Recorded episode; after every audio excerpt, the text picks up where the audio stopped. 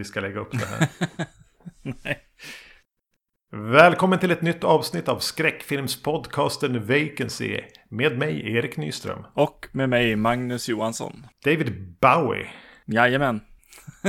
Bowie. Bowie. Jag vet inte riktigt vad, vad det är man ska säga. Bowie va? David Bowie. Bo- Bowie säger jag. Men ja. David Bow, Bow, Bow. Mm. Mm. Vi, vi prövar lite olika uttal under avsnittet. Mm.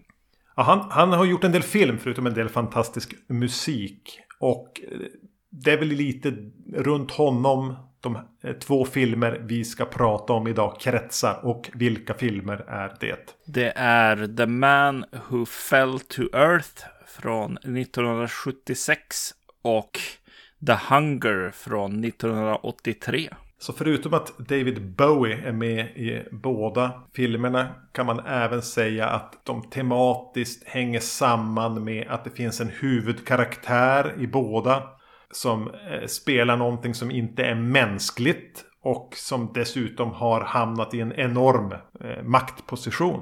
Mm. En annan gemensam nämnare är att de är regisserade av två profilstarka regissörer vad det gäller att berätta med bilder. Fast på lite olika sätt. Ja, Nicholas Rogue och Tony Scott. precis. Innan vi fortsätter så tänkte jag bara säga att jag, jag är inne på bostad nummer fyra nu och spelar in den här podden i.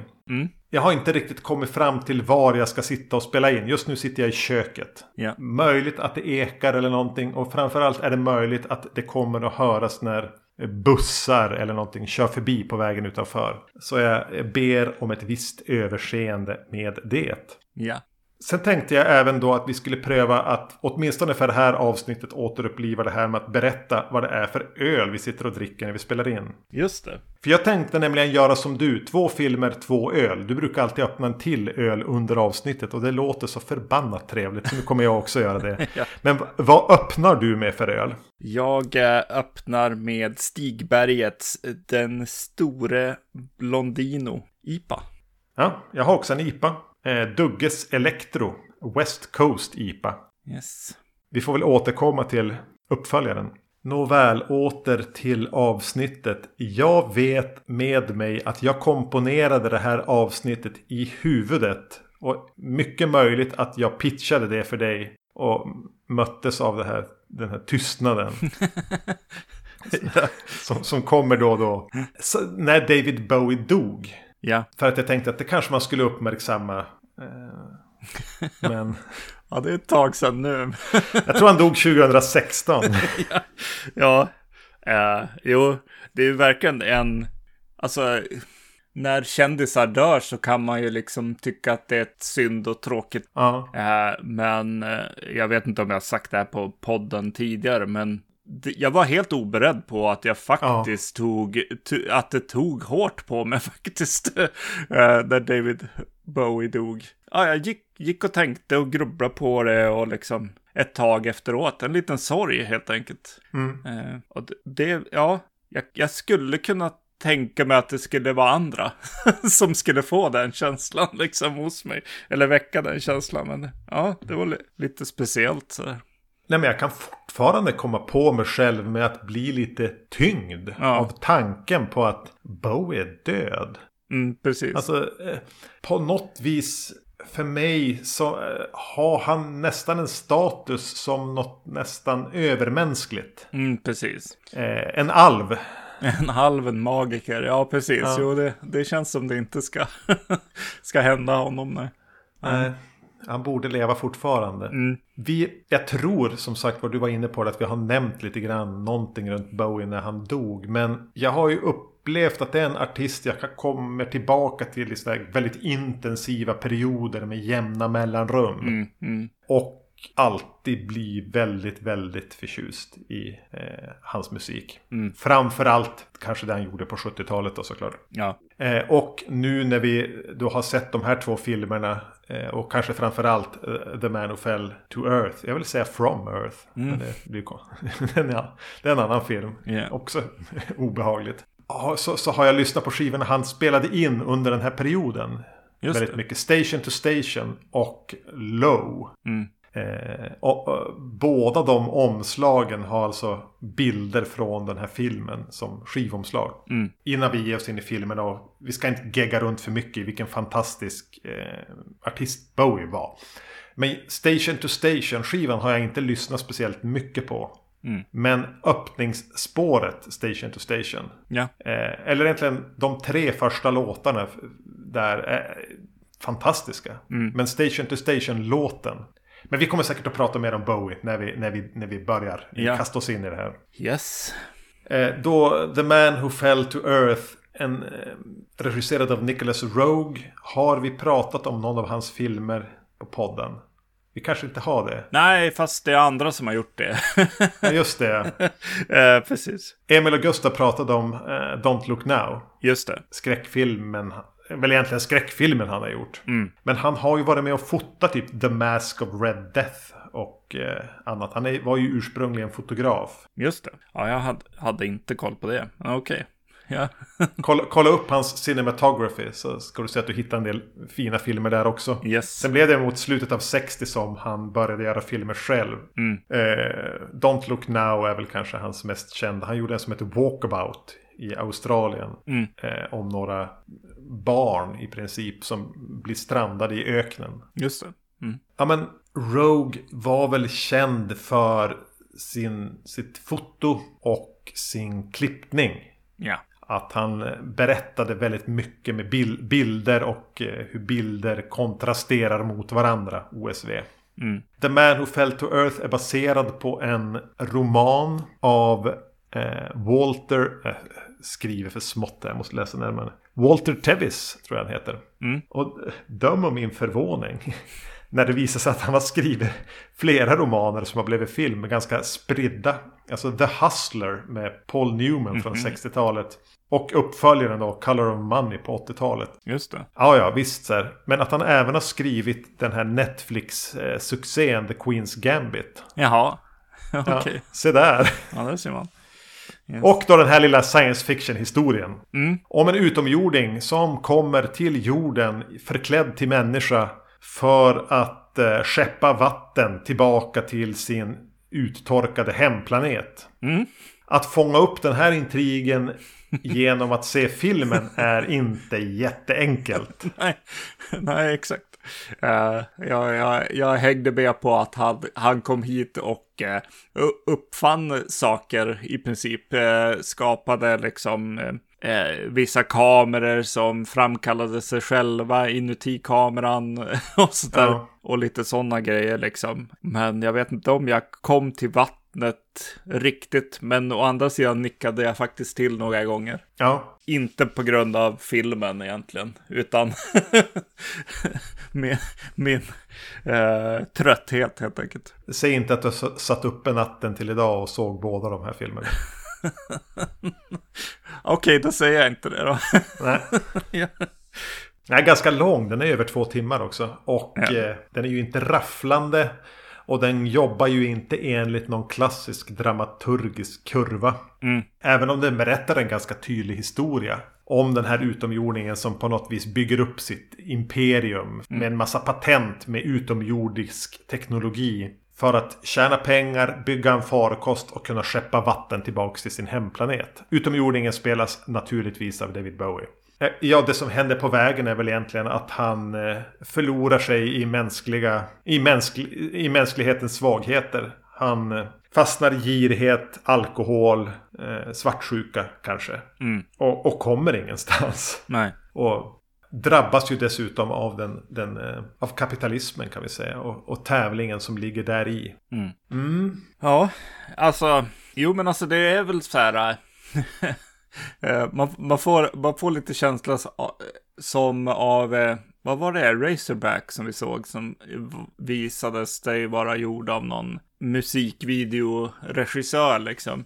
Eh, jag fick lite den känslan. David Bowie är med i den såklart. Så jag, jag började fundera på om, om, om det var där det låg Eh, någonting i. För att eh, inledningen är väldigt eh, konstnärlig, eller vad man ska säga. Det handlar väldigt mycket om fotot, eh, hur han faller där eh, till jorden och hur han går omkring i något grustag eller vad det nu är. Eh, det är väldigt fina bilder där i början. Min första känsla var, alltså det första som dök upp i mitt huvud faktiskt, eh, vilket kanske var lite orättvist, men eh, jag kände så här, Nej, men det är nog David Bowie som går där borta liksom.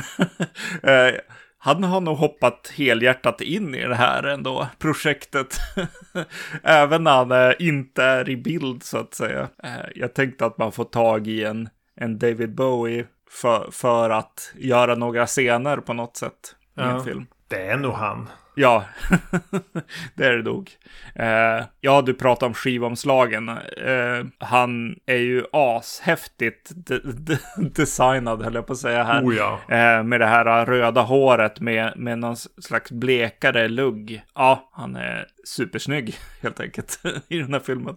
Men samtidigt också sjukligt smal är han ju. Ja, oerhört obehagligt, nästan omänskligt ja. smal. Och ja, men tydligen så var ju det här någonting under hans... Han var ju ett vrak under inspelningarna. Mm. Så långt ner i ett kokain, amfetaminmissbruk. Eh, han schappade från Los Angeles kort efter det här för att liksom bara städa upp sig själv. Mm. Eh, och levde på, vad, vad fan var det han sa? Rödpeppar, mjölk och droger under den här perioden. Ja, yeah.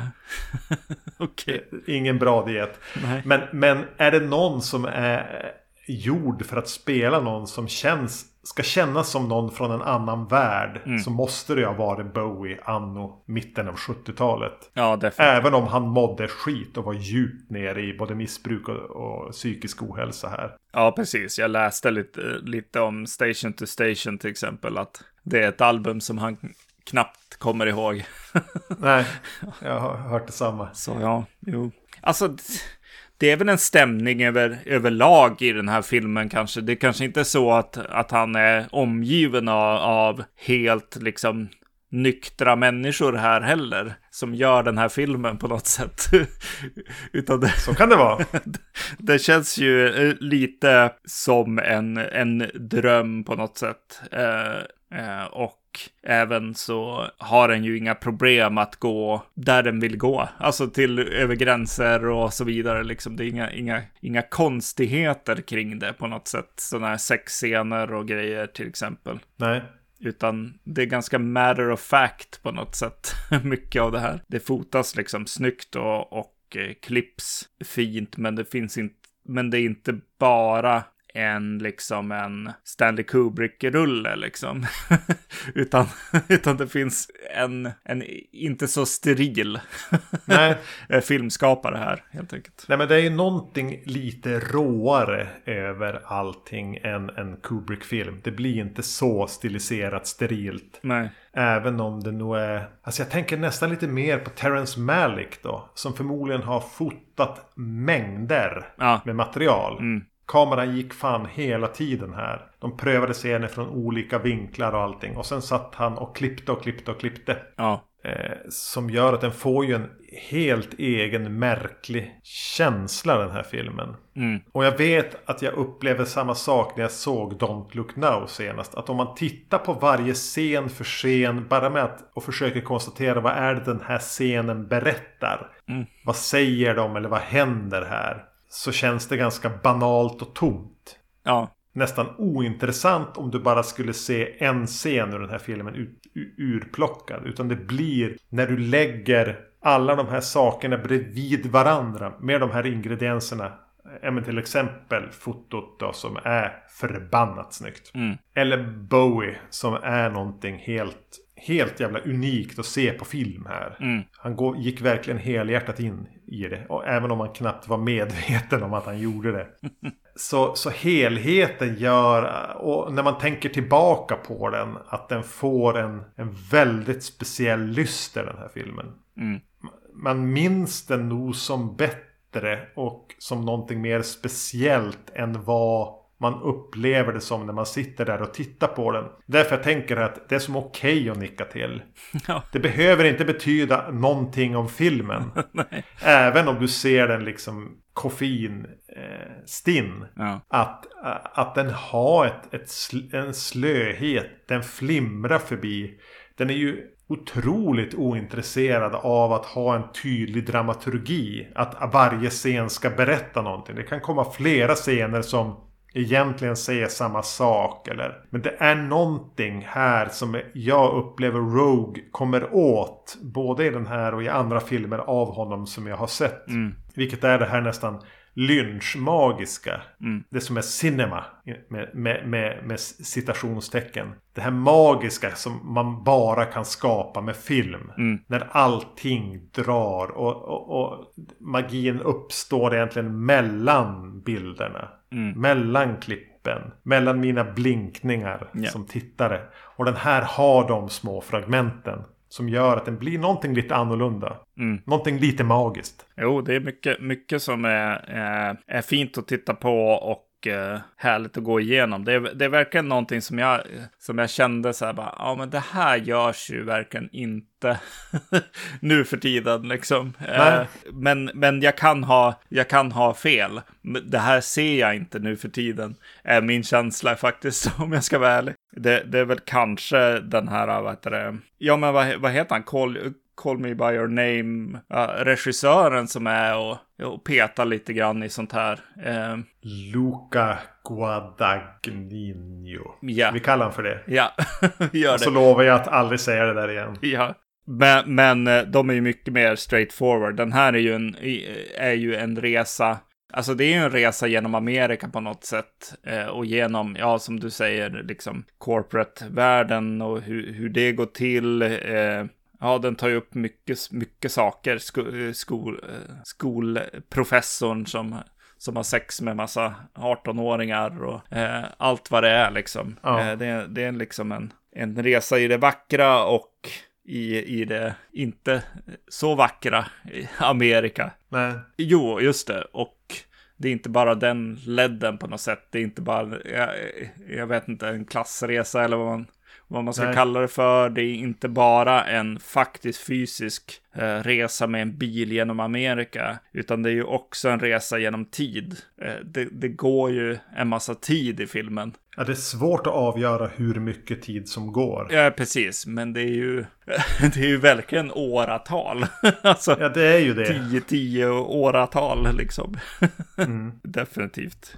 Det, det, det, det, tycker jag är lite spännande med filmen och det är väl det som är, jag, jag tror inte att det är en, eh, mina, mina nickningar som gör att, att det, de hoppen som görs också kommer lite plötsligt. Man får börja an, eh, tänka att så här, ser hon lite äldre ut nu? Mm. Och sådär. Ja, jo men det gör hon ju. Och så sen Ja, sen byts det relationer och sånt där också lite då och då genom filmen. Och det, det tycker jag är, är en snygg berättarteknik bara som används här. Helt klart. Det, det är som den där som jag såg på, med feber någon gång.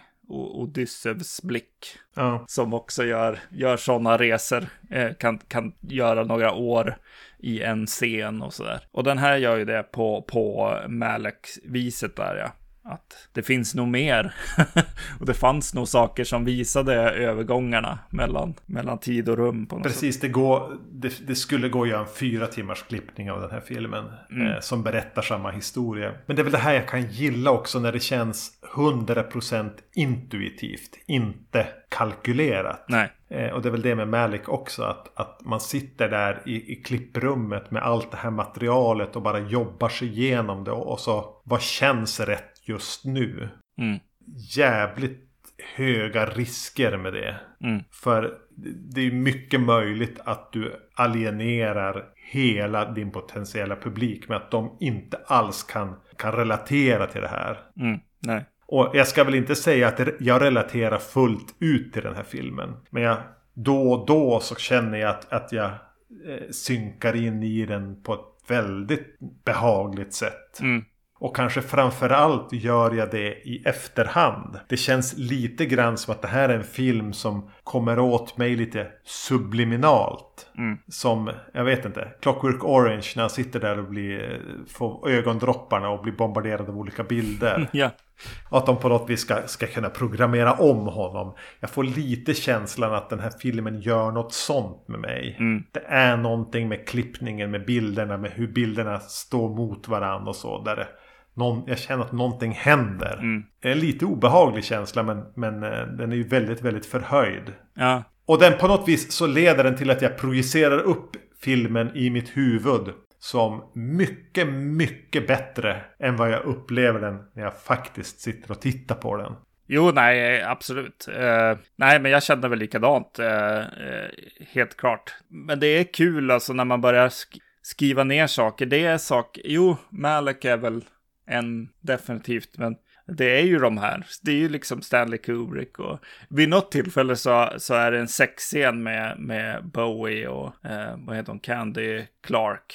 Ja. Eh, och så helt plötsligt så står de i en närbild och tittar på varann och sen på oss i publiken. Och då får jag en väldigt så här plötslig känsla av att Ingmar Bergman är i rummet också. Så det är ju definitivt... personabilden. Ja. exakt. Det är ver verkligen mycket, mycket eh, som refereras till eh, den här typen av, av kaliber på, på regissörer, helt klart. Just det, jag ser här att jag skrev, eh, jag skrev så här, vill, vill lite Stanley Kubrick, men kanske har för mycket droger i sig. Som om Sam Peckinpah gör 2001 Space Odyssey. Ja, Peckinpah förtjänar ju definitivt att nämnas just den här svårdefinierade klippmagkänslan. Mm. Jag vet i det, jag reagerade inte lika starkt på det den här gången. Men jag vet att jag gjorde det när jag såg den första gången. Mm. Så börjar Rogue så här parallellklippa mellan Bowie och, vad sa du, Candy Clark heter hon. Och den här professorn, universitetsprofessorn. Ja, Rip Torn ja, är det väl som spelar han. Det är namnet du. ja, det är bästa. Man måste alltid säga det när man noterar Rip Torn i en film. Ja, Ha någon av sina affärer med någon av sina college-tjejer. Och de gör ett klipp mellan de två scenerna. När någon bara går mot och lägger sig ner i en säng. ja, Som Klippet var så perfekt att det hände, någonting hände i mitt huvud. Ja. Det förändrade någonting. Eh, ja, fan vad jag... eh, Så här film som kan få mig att vilja bli klippare alltså. ja. Jo, men det är Skit väl... att- skit i att skriva, skit i att regissera, fota. Det är ointressant. Låt mig bara klippa. Ja, nej men alltså när du, när, det är ju en av de enda som jag har eh, riktigt skrivit ner. Den, den scenen faktiskt. När, när de är och, alltså de är typ och äter Bowie någonstans och så tittar de på, på någon teater med någon svärdfäktare och så. Just det, just det. Eh. Så här, japanskt te- tema. Ja, precis. Och så, och så till den här sexscenen då som, som får, får vara del då i den här svärdsfäktningen och, och Bowies eh, fascination över vart, att det här är en värld som man kan vara i. Mm. Nej, den är ju väldigt bra, den scenen. Sen blev jag lite förvånad vid den här titeln att jag tyckte det var så hemskt när hans, vad ska man kalla det för, second in command. Alltså Bowies second in command. Den här eh, advokaten specialiserad inom patent. Ja. Som får bli typ hans, si, vad heter det, vd. Mm. Eh, när, när corporate America slår tillbaka mot, mot, mot hela Bowies imperium. Ja, Jag tror det är det som händer Jo. i alla fall. Ehm, och och de, de eh, dödar han och hans älskare. Mm. Jag tyckte det var jättehemskt. ja, jo, Låt dem vara. ja, precis. Eh, om jag då ska gå in på någonting som jag tyckte var onödigt. Ja. Så är ju det. Eh, du har förmodligen tänkt samma sak. Mm. Men varför ska Bowie visa sig som den utomjording han är för Candy Clark? Ja, Visst skaver det lite grann? jo, exakt. Jo, det vill man kanske inte få med, nej, precis. För jag menar, Bowie är redan tillräckligt icke trovärdig som människa. Ja, som det är. ja, precis. Nej, exakt. Det, det, det skulle jag nog inte heller vilja sett egentligen. Alltså det är bra med bilderna där han tänker tillbaks eller vad han nu gör liksom eh, till, till eh, en annan värld eh, och Ja. tid med sin, sin familj liksom. Precis. det tycker jag är bra, för det kan han ju tänka sig. Men det finns ju en, det skulle ju ha funnits en styrka i att låta det vara osagt liksom. Ja. Jo, det är någonting med hur de, bild, de scenerna ser ut med hans familj. Där man kanske kunde ha tänkt att eh, det, det är influerat av en science fiction-serie eller film. Mm, jo, exakt. Att för att vi som tittar på det ska kunna förstå det så har man valt att omtolka det till Mm. Lost in Space eller vad de heter de där. Jo, jag tror, jag tror att jag då gärna hade gått ur filmen. Alltså, jag menar, han blir ju inte äldre och sådär. Det, det är klart att Nej. han är utomjording, men det är lika bra att låta det vara, vara osagt också, kan jag tycka. På tal om alla de, de laster och svagheter som han lägger sig till med under filmen hade jag nästan förväntat mig att du skulle ha bjudit på någon The Man Who Fell to Earth grogg här med bara, bara en massa gin. Ja, nej. Nej, just det. Ja, ja shit. Jo, Missat, missat tillfälle. det blir så inte, ja men omänskligt igen kanske där. När han börjar dricka och sådär. Det, det är inte samma liksom effekt. Nej. Utan det blir nästan bara det, det lite tragiska i att jag måste ta mig en drink. Som är kvar när han knappt blir påverkad. Mm. Ja, just det. Och så det här med tv. Ja, men jag, jag, jag gillade scenerna också eh, när han får, får agera lite grann och, och han tittar på alla tv-kanaler samtidigt i princip och blir liksom vresig och liksom Mm. eh, inte bra att ha att göra med och, eh, och han vill bara inte se allt det här. När han sitter där med sina så här åtta tv-apparater samtidigt och dricker gin Ja. och är vresig. Ja, Men vänta nu, hade inte du ett nobelt större syfte med att vara här än att sitta och skrika åt tv? ja exakt. Ja, ja, är det så att du har blivit alldeles för mycket människa nu? ja, ja, På något vis blir det så här, så här Donny Brasco-grej det här. ja. Du får, inte, du får inte go too deep undercover. Nej. Nej, men det är en bra film. Alltså, jag, ja, jag hade velat vara vaknare när jag såg den. Alltså, mindre trött. Verkligen sätta mig någon helg där jag har sovit ut ordentligt och var redo för den på något sätt. Eh, Ja. För att jag tycker inte att det är dåligt eller tråkigt. Alltså, det är en... Det är ju en slow burn någonting liksom. Ja, ja. det är det. Det måste man ändå säga. Jag har nog redan sagt det men jag säger det igen för det står så tydligt i mina anteckningar att den här är ju en film som flimrar förbi. ja. jo. Egentligen händer det ingenting i någon scen. Nej, precis. Jo, Och den är 2.20. mm, precis. Jo. Men om man låter sig hypnotiseras av den och tänker jag är så betuttad i Bowie Mm. som jag är och jag tänker du också. Jo, precis. Så är ju det här väl värt att ägna tid. Om man bara kan lägga sig i soffan och låta det hända. Mm. Jag kommer att se den här om och om igen. Det tror jag. Men det kommer aldrig att vara en av mina favoritfilmer. Nej, men det kan jag nog skriva under på, ja, precis. Ja. Alltså, det är nog en bra sån där... Om du råkar ha en, en bar till exempel så skulle du kunna sätta den på en projektor och sätta upp Ja. den mot en vägg bara och ja, Ja. eh, trycka på mute liksom. I och för sig, det är lite snoppar och snippor i, i filmen, det är det ju. Det får vara en, en bar eh, som, som har en 18-årsgräns då. Mm. Inte de... Japp. Bowie gjorde ju tydligen ett soundtrack till den. Som Rogue ratade. Det är ganska kaxigt. Ja, det är ju bra. Jag vet för lite om Rogue för att säga om han var en, en, en, eh, en knarkande hippie. Ja. Jag tror inte han var det. Jag tror att han var en konstnär. Ja. Alltså, som tog det här på allvar. Mm. Men det, det där som jag just sa var en extrem killgissning. Ja. ja, man fick en annan bild av Rip Torn också, kan jag tycka. Han brukar vara hå- hårdare än så här liksom. Här fick man liksom acting, eh, Rip Torn som säkert har stått på lite scener när han var ung och verkligen spelat ut och, och så vidare liksom. Känner jag i alla fall. Det fanns, fanns en energi som jag som ibland bara går ut åt att han är en hårding, precis som Powers Booth eller så. Exakt, jag, jag sorterar in han i, i lite samma fack. Eh, på något vis som de som gick in och gjorde biroller i Rambo-liknande filmer under 80-talet. Ja, precis. Karaktärsskådisar med, med rätt ansikte. Mm.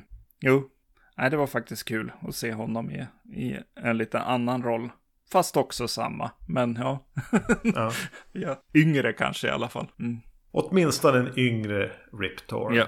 Ja, ehm, ska vi skutta en sisådär sju år framåt då? Yes, till The Hunger från 83. Tony Scotts rulle. Hans debut, tror jag. Ja, det är det nog. Jag öppnar eh, öl nummer två då. Just det. Och eh, den till IPA. Mm. Det heter Hyll-IPAn. En grön burk. Mm. Fan vad... Hyllie bryggeri. Är inte någonstans nere i Skåne. Det är en West Coast IPA. Mm. Jag vet inte skillnaden på en West och en East Coast IPA. Ja. Jag har en, eh, en, eh, en vanlig som, eh, som säkert folk brukar köpa på systemet. En New England IPA som ju heter Apocalyptic Thunder Juice. Jag tror att vi har druckit den när vi har spelat in tillsammans. Ja, Några gånger. Amundsen har gjort den. Det jag vet att Bowie har sagt i efterhand om A Man Who Fell to Earth är att han är väldigt, väldigt stolt över den. Han är väldigt nöjd med att ha gjort den. Kanske framförallt med tanke på vilket skick han var i när han gjorde den. Mm. Jag vet inte vad han har sagt om The Hunger. Nej. Men om vi börjar så här. Hade du sett The Hunger tidigare? Jo, det hade jag gjort. Jag hade inte sett The Man Who Fell to Earth, tror jag. Ja men då är det ombytta roller här. Ja. För jag hade inte sett The Hunger insåg jag. Jag hade någon vag känsla av att jag kanske skulle ha gjort det. Men jag tror jag blandade ihop den med Wolfen. Eller vad den heter. Den där varulvsfilmen. Ja, ja just det. Det finns ju någon med, åh gud, nu glömmer jag bort vad hon heter också. Det finns en varulvsfilm som är lite så här go- goth, rockig i övrigt också. Ah. Nej, den försvann. Eh, ah, jag kommer inte ihåg vad den heter. Så man kan blanda ihop den här filmen med. Ja, jag vet inte Nej. vad du syftar på. Det är inte någon Howling-film. Då. Nej, jag tror att hon i, vad heter den? I, I shot Andy Warhol. Vad heter hon? Lily Taylor. Ja, precis, är med i den. Alltså nu skriker ju lyssnarna. Ja. Bort den. Skrik i kommentarsfälten på Facebook då. Eller skriv till oss på, på, på eh, Instagram eller vad det nu är. Ja, Jag vet inte vad han pratar om. nej. Ja, men det är inte, vad heter det? Den har vi ju pratat om redan. The... Bla bla bla. Jo, det är nog den. Jo, jo. Den är svartvit. Typ nästan en Jim Jarmusch-film. Ja, exakt den. Vi pratar ju om det, med, det tillsammans med Only Lovers Left Alive. Ja. Vänta nu. Ja, men vi kollar upp det här. Jag har framme. Ja, det är bra. Den heter eh, Lily Taylor. Är född 1967. Hon gjorde den sen mitten av 90. Inte Girls Town. Nej. Four Rooms. The Addiction heter The den. Addiction och The Hunger. Det är inte jättekonstigt. Nej, en rimligare ihopparning av filmer hade väl varit de två. Ja. Men här valde vi att klamra oss fast vid David Bowie. Ja. Och som sagt var, Tony Scotts debutrulle. Ja. Vet någon fortfarande varför han tog livet av sig? Eh, fortfarande. Jo, han var sjuk i någon Mm. obotlig cancer, tror jag. Ja. Ja. Han var inte bara less. Nej, nej. Nej. Ja, ehm, The Hunger. Men jag nämnde den. Only Lovers Left Alive och The Hunger hade ju inte heller varit en så tokig ihopparning. Nej, precis. Nej, nej, definitivt inte. Nej. Eh, det känns som ett trefilmers avsnitt som borde ha gjorts tidigare alltså. Ja. Eh, ja men Catherine Deneuve spelade en uråldrig vampyr i New York. Är det väl? Mm. Som tar sig olika älskare och håller dem vid liv under x antal hundra år tills hon tröttnar och går vidare till nästa och låter dem förvandlas till eh, aska. Ja. Damm. Mm. Hennes nuvarande älskare heter vad han nu heter men spelas av David Bowie. Mm. Men hon får upp ögonen för Susan Sarandon. Ja, exakt. Ja. så, så, så är det. Den börjar eh, schysst med lite goth. Eller vad man ska Ja, kalla det. go, no, eh, goth-konsert. Ja. Det är som parallellklipps med hur både Deneuve och Bowie är ute på, på jakt efter lite gött blod. Mm, det sätts någon slags standard här med ett ankehalsband som de har för att eh, ta livet eller i alla fall öppna såret eh, som de sen får evigt liv genom då. Eh, Symboliskt. lite, Ja, det är så intelligent. lite, lite enkelt, men yes, Mm. det är lite intressant alltså eh, hur den öppnar. Det är ju så här vam- vampyrstilstudie, det är så här goth 80-tal, men den ändrar sig ju sen lite grann, kan jag tycka. Att den, den går ju in i de här eh, olika eh, rummen och eh, olika miljöerna. Vad då tänker du när det dyker upp apor? Ja, precis. De har, de har både, eh, både vart de faktiskt bor. Eh, att där, där får man, alltså David Bowie och Christine Deneuve. Catherine, tror jag. Ka- Catherine, ja. Deneuve. Som du, har, eh, som du nämnde här. Den, den miljön är, mycket mer så här klassisk. Eh, vi får, får de här vampyrerna som har levt för evigt fast i Tony Scotts blåa belysning. Med de här långa, skira, ljusa gardinerna som alltid blåser. Alltid någon som har lämnat fönstret öppet. Ja, exakt, exakt. Det är, Ja. vad heter det, total eclipse of the heart igen, liksom. Ja, gud vad det här är total eclipse of the heart. ja, det är en väldigt stilstudie, alltså. Det är det ju. Alltså, Tony Scott här har ju total fokuserat på eh, vad han ska bygga för miljöer. Alla så här bildliga referenser som ska gå, gå ihop, liksom. Han, han är väldigt noga med att eh, här tunna, tunna skira gardiner, Eh, Då är vi i vampyrnästet och i, det, i det förflutna, i det drömska. Eh, han har en massa tankar där som, som kommer igenom. Och sen så finns det då en kall, också blå, eh, eh, vetenskapsmiljö då. Eh, där det moderna då får visa sig. Eh, där Susan Sarandon jobbar med att studera någonting med åldrande. Och att han, man kanske kan stoppa det på något, något vis genom, jag minns inte ens. Men eh, det, hela den miljön, ofta, ofta visas den genom tv-skärmar som är filmade med så här, såna här scanlines som fanns förr på tv-apparater. Eh, och eh, ja, de, och de tv-skärmarna är antingen så här labbets övervakningskameror eller tv-intervjuer eller andra program av något slag. Och det är Susan Sarandons värld. Och vad gör man då när man väl ska göra en scen i hennes värld och han, eh, David Bowie, kommer ju till hennes klinik och vill ha hjälp. Mm. Och då har Tony Scott valt att sätta såna här persienner som, eh, som det lyser, ljuset lyser igenom. Så, det, så på väggarna är det referenser till de här tv-linjerna som, som finns i tv Ja, just det. grejerna. Eh, så om, om man vill gå en ganska enkel eh, sån här liten filmanalys, liksom grundkurs, så skulle man kunna använda den här filmen, känner jag i alla fall. Det är väldigt, väldigt noga eh, ut, utvald. Kanske han till och med är lite nervös och vill göra rätt. Ja, men som jag sa att eh, i inledningen, både den här och eh, föregående film är ju ganska benägna av att släppa det här extremt traditionella treaktsberättandet eh, och bara götta ner sig lite bilder.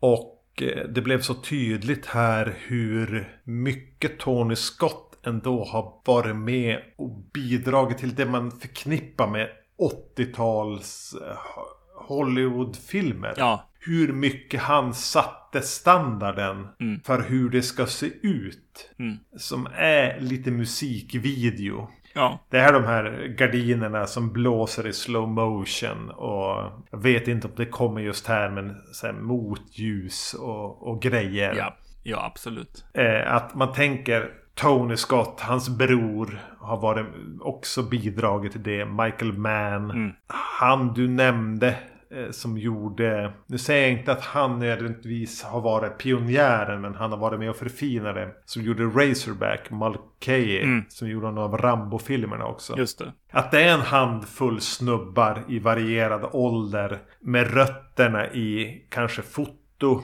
eh, reklamfilm, musikvideo. Som var med och la en grundplåt för hur film skulle se ut som kommer att dominera. Eller kanske fortfarande dominerar tanken på hur framförallt Hollywoodfilmer, storfilmer med stora stjärnor i ska se ut. Mm. Sen har de skruvat i konceptet och anpassat det efter tid och ekonomi. Men ja, på så sätt är ju den här filmen inte oviktig i att den är på något vis en, en uppvärmning för någon som kommer att definiera hur en film ska se ut. Mm.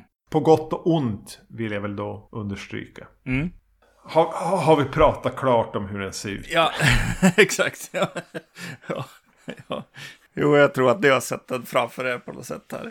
Men ganska tidigt, jag vet inte om jag var ofokuserad eller, eller vad fan det nu var. Men jag tycker att den är lite slapp i berättandet och det gör väl ingenting. Men David Bowies karaktär börjar leta sig mot eh, Susan Sarandons eh, åldrings... Eh, st- stoppa åldrandet eh, forskningsklinik. Mm. Ganska tidigt. Ja, Och det som verkar hända när Bowie går dit är ju att han börjar åldras. ja, För jag var väldigt så här, oh, snygg Bowie igen. Fast han känns kanske lite mer välmående här. Ja. Han har ätit i alla fall. ja. Och så eh, blir han ombedd att vänta där på kliniken. Mm. Och så börjar han åldras. Och jag ska säga det. Första skeendena i åldrandet där är, är ju så här med facit i hand kan man ju faktiskt säga när man har sett hur Bowie såg ut Ja, in på 2000-talet. Ja men fan, ni fick det ganska rätt. ja. Men jag satt som och väntade på när ska Surrandon rusa ut med den här sprutan i näven och få Bowie att bli ung igen. Ja. Så ung och snygg som han ser ut på den här polaroidbilden som tas av den här unga tjejen tidigare. Ja. Och fan vad besviken jag blir. Ja, jo, eh, det är hela liksom dramaturgin, dramat i filmen liksom. Bara, hur ska han få tillbaka liksom? Ja, han måste hitta någon att mörda eller någonting måste, måste Ja. hända liksom. Ja, han gör ju det till och med, men nej. Vi får inte Utan det- Bowie tillbaks. Han kommer inte tillbaka utan vi får se alldeles för mycket av den här... Eh, alltså det är ju Grandpa i Texas Chainsaw Massacre. Ja, precis. Jo, Till slut landar vi ju där. han gör något fall någon gång också. Då, då tänker jag bara på, va- var det inte de här uh, Jackass-gänget som gjorde någon så här grandpa, eh, dolda kameran-film liksom. Ja, Eh, det är möjligt. Det är en ung, ung person i gammal makeup liksom som, som eh, inte bryr sig om att, att riktigt ha samma rörelsemönster helt enkelt. Och det är någonting i allt det där för mig som är så jävla bara deppigt och ointressant. Mm. Och se Bowie stappla runt i en medioker gammelsminkning. Ja. När jag ville se, liksom, jag ville ju få mer av Bowie. Mm. Det var min, min bild av den här filmen. Istället går han runt till slut och bara säger Kill me! Release me! Ja. I vad som känns som en halvtimme. Ja, Utan att det egentligen leder någon vart. Nej, precis. Vi, får- vi får väl en big reveal av hur mörkt det faktiskt är i det där huset. Ja, han blir lagd i en kista och nedskuffad med, med x antal andra tidigare älskare eller kompanjoner till Catherine Den- Deneuve. Och får veta att du kommer ju inte kunna göra något nu, men du kommer vara kvar i den här kistan för alltid. Ja. Så det är väl mörkret i filmen kan jag tycka. Mm. Men här kommer faktiskt en grej som, som eh, så här, ibland så får vi till det på podden. och, och här är det ett till tema som jag faktiskt reagerar på i förra filmen. Jag, det är väldigt sällan man ser en kvinna plocka upp en man eh, och bä, bära honom liksom genom en korridor och så Och eh, i båda de här filmerna så, så blir alltså David Bowie eh, buren som ett, som ett barn eller som en, som en, en brud över tröskeln på något sätt här. Mm. Genom en korridor. Det, det, det var slående att säga, vänta, varför händer det här i båda filmerna? så har Bowie det här i sitt kontrakt att han vill bli buren genom en korridor? Exakt. Nej, men det är klart, jag ville se mer Bowie, jag ville se mer av den här goth... Eh, eh, estetiken som den sätter i början. Alltså jag, jag, jag vill gå tillbaks till lite klubbar och liksom eh, riva runt lite grann. Ja, men varför har du med gothklubben med nästan en hel låt där? Ja. Vilka det nu är. Är det Bauhaus eller? Ja, det är det, va? eh, Ja. Om du inte har tänkt återvända dit. Nej, exakt. Ja, det är konstigt. störde mig lite. Men vet du, innan han eh, liksom hamnade nere i kryptan, vilket är alldeles för tidigt. Ja. Och då är han säkert eh, ändå med större halv, första halvan av filmen i alla fall. Mm. Så har de ju den här unga begåvade 12-åriga tjejen som jag spelar med dem. Mm. För både Catherine Deneuve och David Bowie är ju musiker. Man blir tydligen, om lever man för evigt så lär man sig spela alla instrument. Och, eh, det är det enda man bryr sig om i slutändan. Yes. Och de har ju då tagit in den här 12-åriga tjejen Alice som är och spelar med dem. Mm. För mig är ju hon otroligt likable. Ja, verkligen. Och hon kommer dit när Bowie är döende eller åldrande. Och Catherine Deneuve är inte där. Ja, Och den scenen när man förstår att nu har du tänkt göra något dumt här va Bowie. ja, Den är, den är jobbig. ja. Jo, den är Den jobbig den är, scenen. den är stark ska jag väl säga. Ja, ja, definitivt. Den känns. Ja, precis. Hon, hon, det, det, det som hon faktiskt fick mig att tänka på, men det här var ju mycket bättre och starkare än det, men det var faktiskt, eh, det är en flicka i- som känner paret i The Crow. Ja. som, är, som är som deras liksom eh, låtsasbarn på något sätt. Kvarters liksom tonåringen som, som stryker runt liksom. Ja. Det, det är samma typ av roll på något sätt. Eh, Det barnet de aldrig fick. Och så bara, ja, nej, det är en stark scen. Helt klart. Tung. Och läskig. Det är, Ja. väl, det är väl det läskigaste egentligen som händer i, i hela avsnittet här.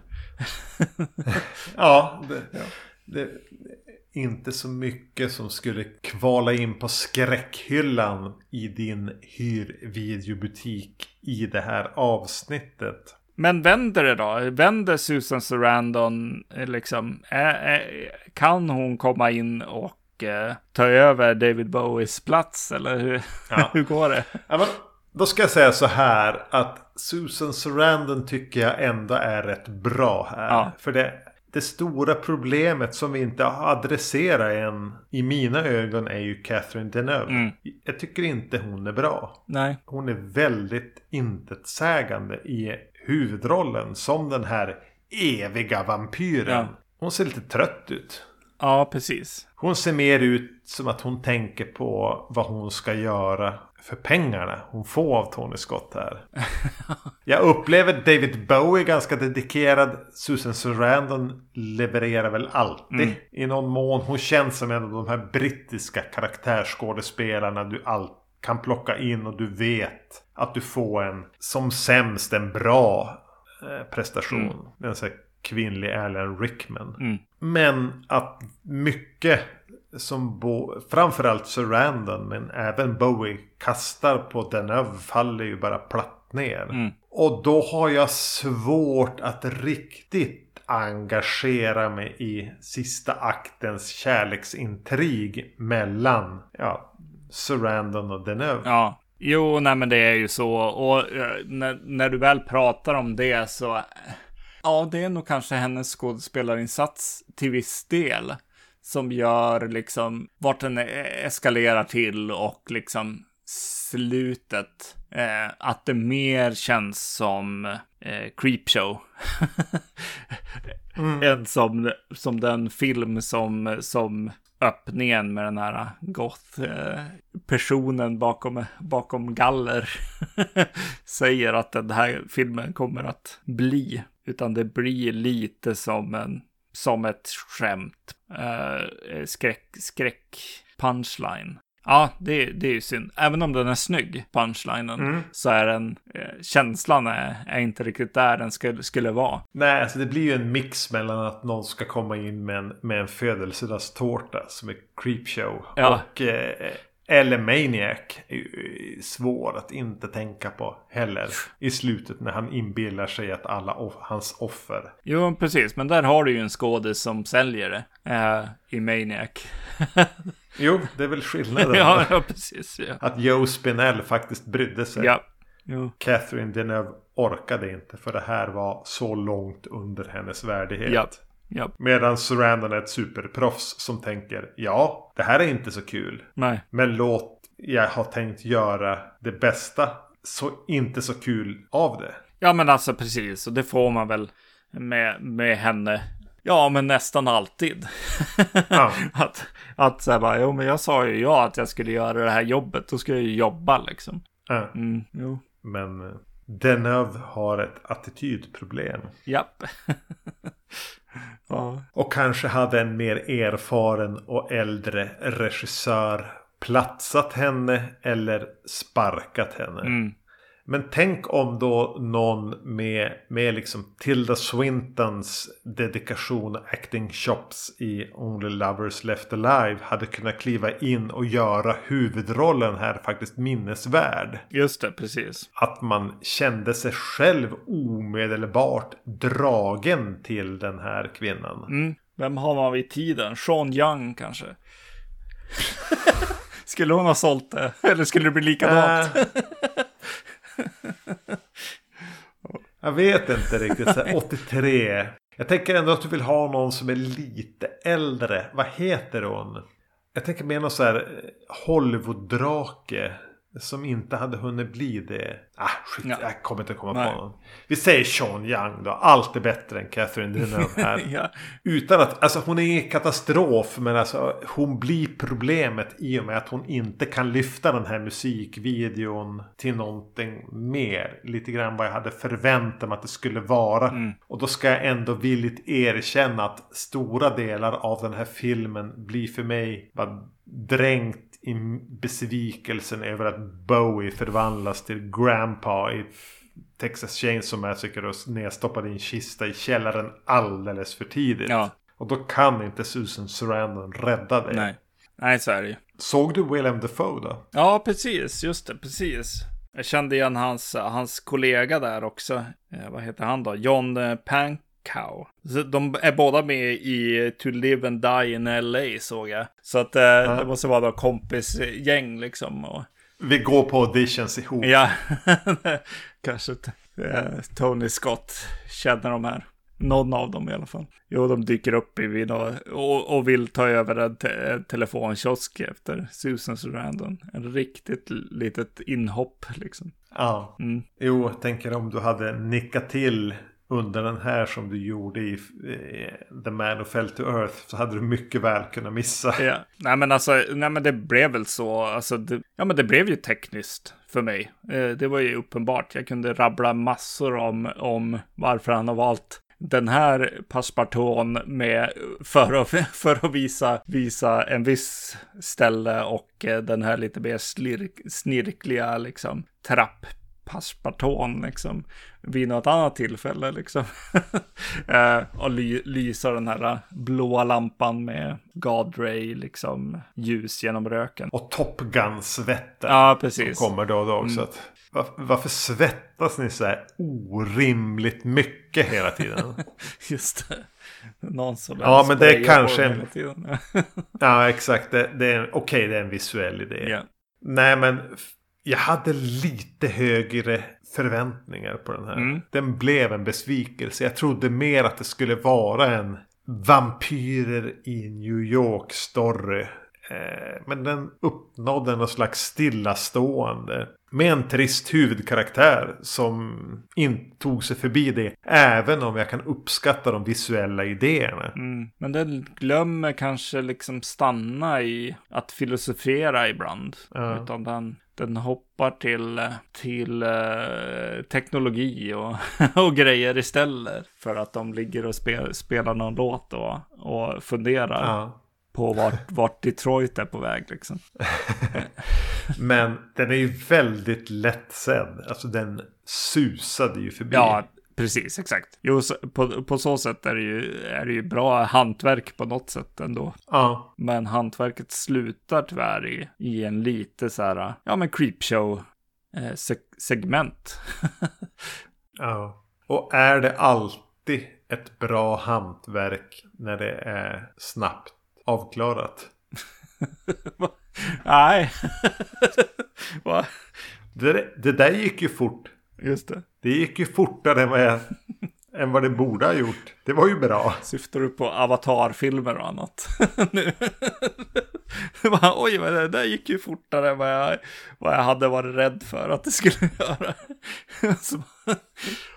Det bästa jag kan säga om den är att jag inte led så länge som jag trodde att jag skulle göra. exakt, exakt. Ja. Då lider jag hellre länge. Och så har jag upplevt någonting. ja, ja, exakt. Men skriv inte det där på min gravsten. Ja. Ja, du. Vi har väl egentligen sagt det som finns att säga om de här två filmerna inom ramen för den här podden. Mm, det har vi gjort.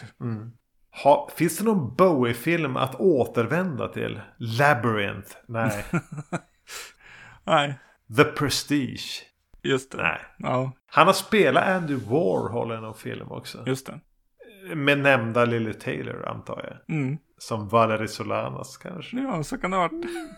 Så kan det ha varit. Men det kommer vi inte heller att prata Nej. om. Så eh, om ni vände er till Vacancy för att lyssna på Bowie så kan ni överge oss nu. ja. Men ni kan definitivt lyssna vidare på David Bowie. Mm. Och framförallt låten Station to Station. Mm. Ja, men är det nu så att vi i nästa avsnitt kommer att eh, ge oss i kast med Hellraiser? ja, de är på väg till mig, så eh, ja, vi säger det. Den stora frågan är om de är på väg till mig. Absolut. Jag säger absolut och skakar på huvudet. Det ordnar Japp. sig. Nästa avsnitt kommer att vara ett par delar i början på ett avhandlande av de här jävla Hellraiser-filmerna som nu alla är så förbannat förtjusta i. ja. ja. Men har ni någonting att säga om det eller om David Bowie eller om Tony Scott eller kanske framförallt om Nicholas Rogue så kan ni ju förmedla oss de åsikterna på podcast at vacancy.se om ni hör till de som sitter framför er e-post. Annars Ja, kommentar, kommentarer går väl att lämna på de här olika platserna. Acast, Spotify kanske man inte kan kommentera på. Men mm iTunes, bla bla bla. Ja, Facebook är ju vårt största, eh, där, där vi håller hus. Ja, vi, vi, vi hör till den ålderskategorin. Ja, tyvärr. Ja. ja, har vi rabblat tillräckligt många olika sociala medier nu? det har vi gjort. Nu får vi säga hej då. Ha det bra. Hej. Hej!